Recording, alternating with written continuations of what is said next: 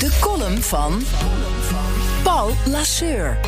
Een obligate storm van verontwaardiging stak op na de onthulling in NRC Handelsblad over Booking.com. Dat de driekoppige bedrijfsleiding van de Amerikaanse hotelwebsite omgerekend 28 miljoen euro aan bonussen ontvangt. Terwijl de onderneming vorig jaar nog 100 miljoen euro coronasteun kreeg. Het grootste deel daarvan, bijna 65 miljoen euro, kwam van de Nederlandse overheid. Geld dat bedoeld was om Nederlandse banen te behouden op het hoogtepunt van de coronacrisis. Maar drie maanden later volgde alsnog een reorganisatie waarbij wereldwijd bijna een kwart van alle boekingmedewerkers zijn baan kwijtraakte. In Amsterdam moesten zo'n duizend werknemers vertrekken.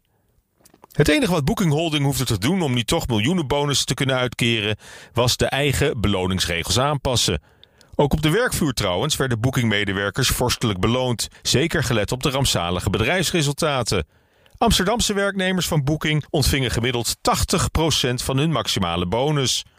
Volgens het bedrijf was dat nodig om een uittocht van talent te voorkomen, dat anders makkelijk zou overstappen naar techbedrijven die minder hard door COVID-maatregelen waren getroffen.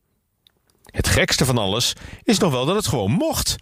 Kennelijk handelde Booking volledig binnen de regels en steunafspraken met het kabinet. Helemaal niet fraai natuurlijk. Maar juridisch gezien klopt het, dus formeel gezien kan het.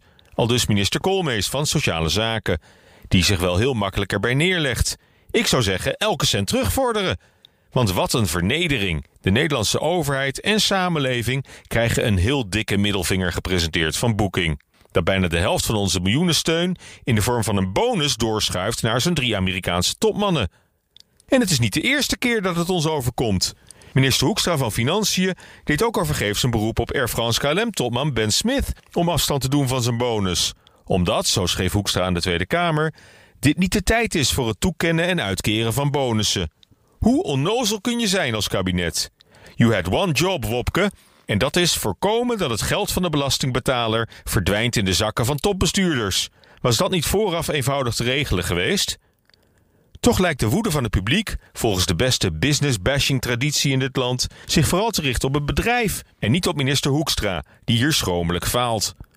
Booking.com is hard op weg om de meest gehate onderneming van het jaar te worden. Twitter hyperventileerde als gewoonlijk met de vele oproepen tot een boycott. Maar die boosheid waait vanzelf over. Booking.com neemt zo'n dominante positie in op de markt voor hotelovernachtingen dat je als klant echt moeite moet doen als je buiten het platform om nog een kamer wilt boeken. Dan wint gebruiksgemak het al gauw van principes. Prettige maandag!